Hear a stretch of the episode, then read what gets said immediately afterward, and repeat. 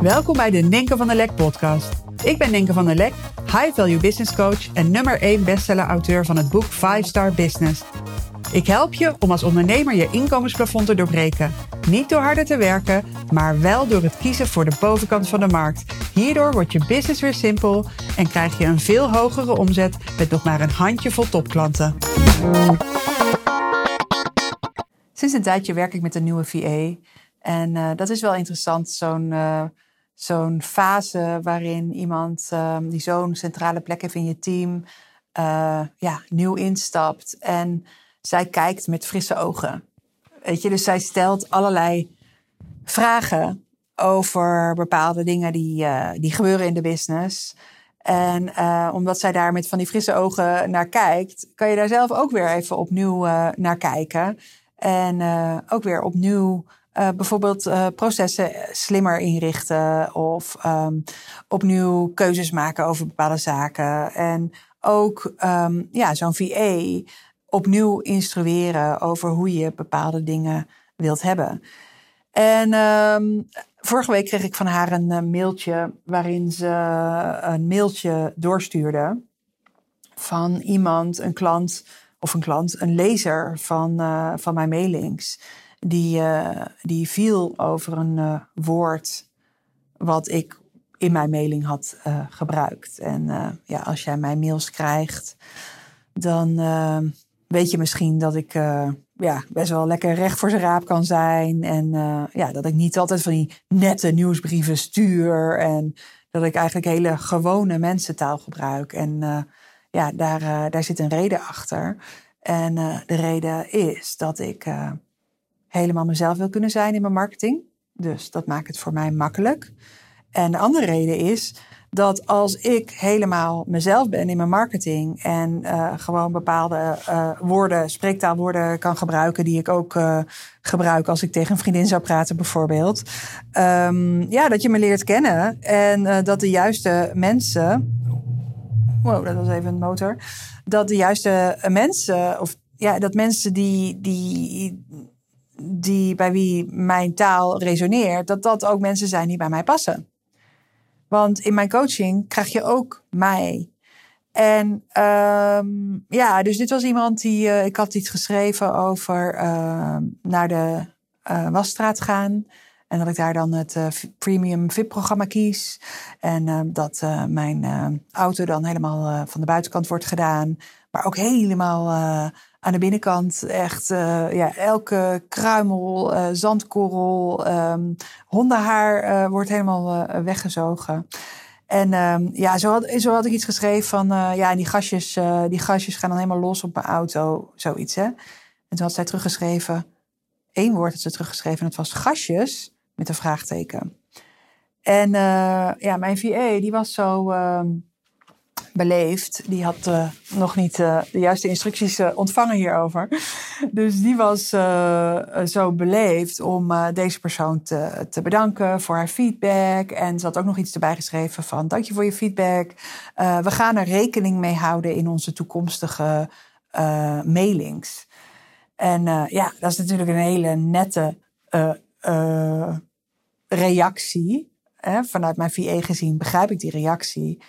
Maar ik wil eigenlijk helemaal niet dat mijn VA uh, hier tijd in steekt. Dus dit was een mooie aanleiding om met haar daar een gesprek over te hebben. En vooral om haar ja, deelgenoot te maken uh, van mijn visie. Want ik heb daar in de loop van de jaren wel een visie op ontwikkeld.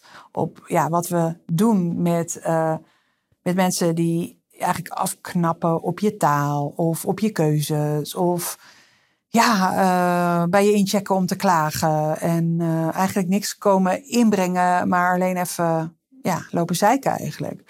En um, ik heb in mijn elf jaar ondernemerschap echt heel veel over me heen gekregen.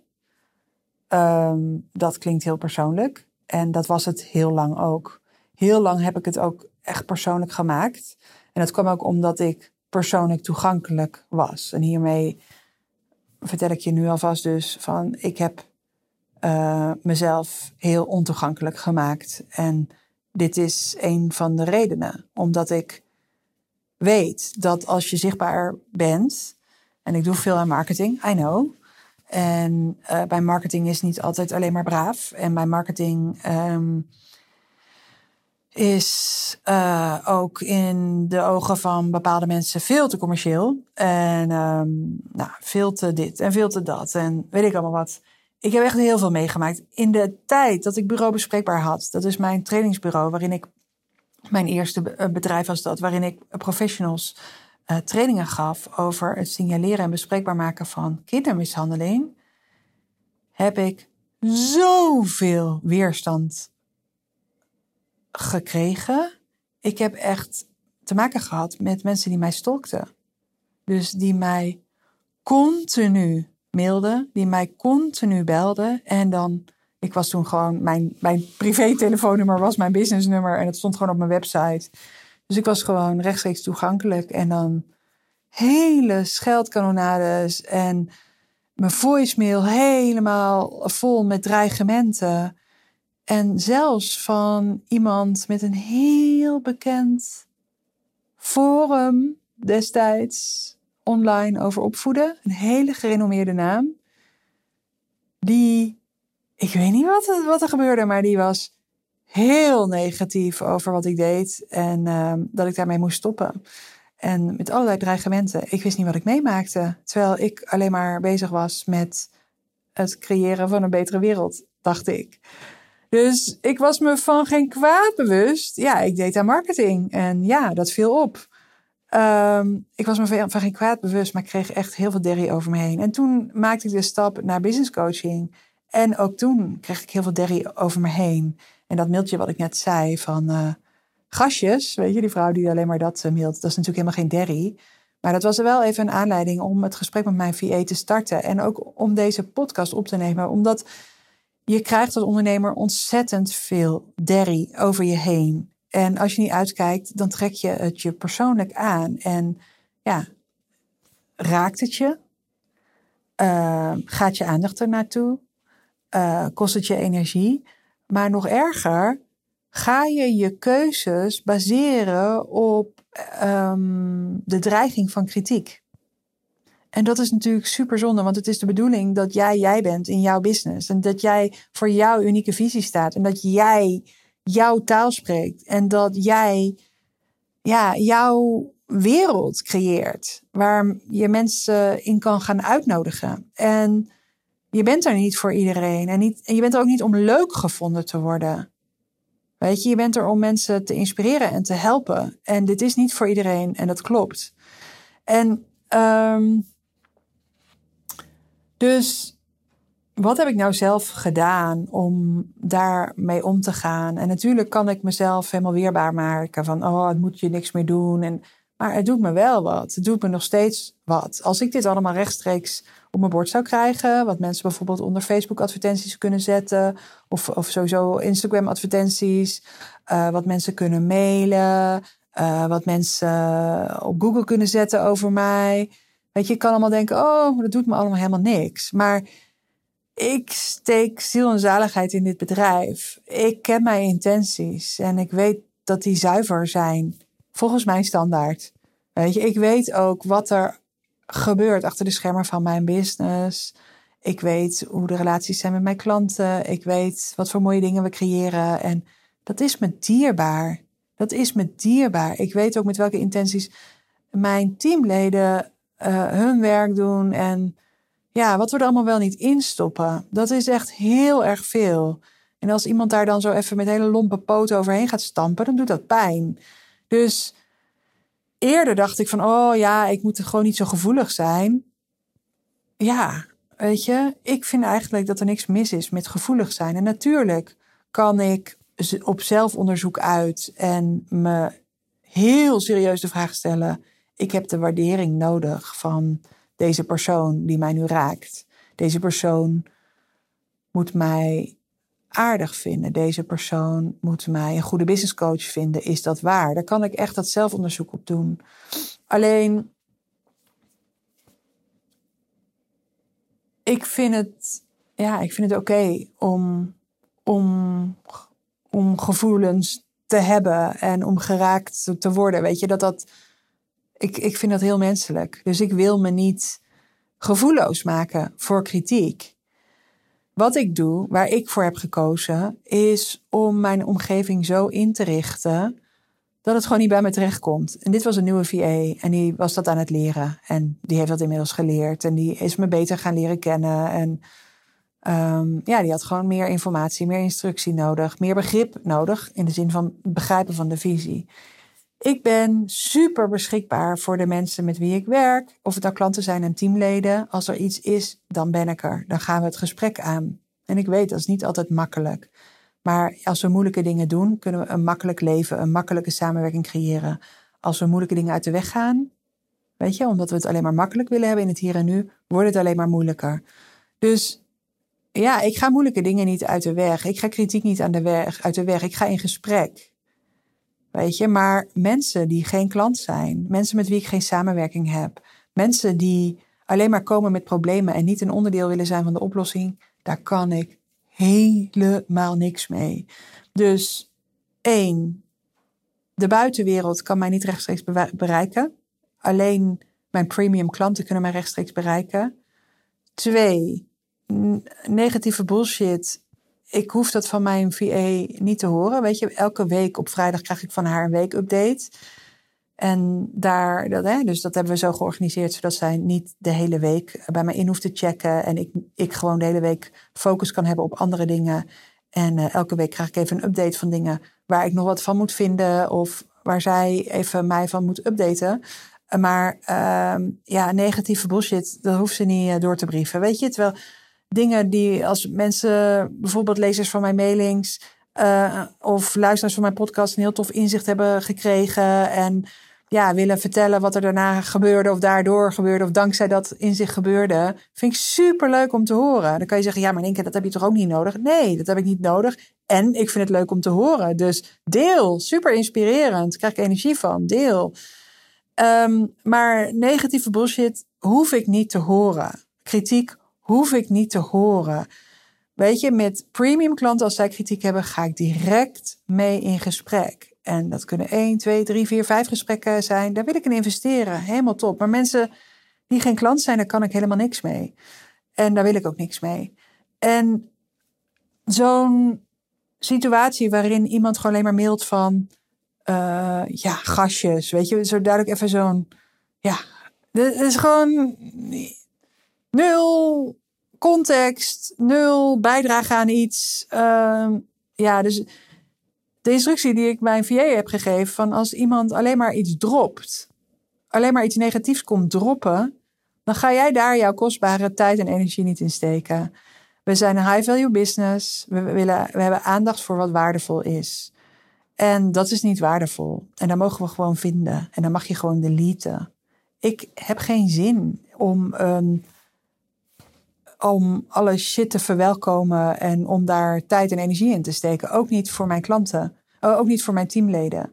Dus ja, zo, um, zo instrueer ik dus mijn VA om gewoon ook mails te deleten. En ik weet voor heel veel ondernemers die hebben het idee dat ze daar van alles mee moeten. Weet je, we zijn heel netjes opgevoed, heel beleefd. Het is heel beleefd om daar dan op te reageren. Weet je, het is gewoon, zit nul ja, is gewoon helemaal niet opbouwend. Er zit helemaal geen.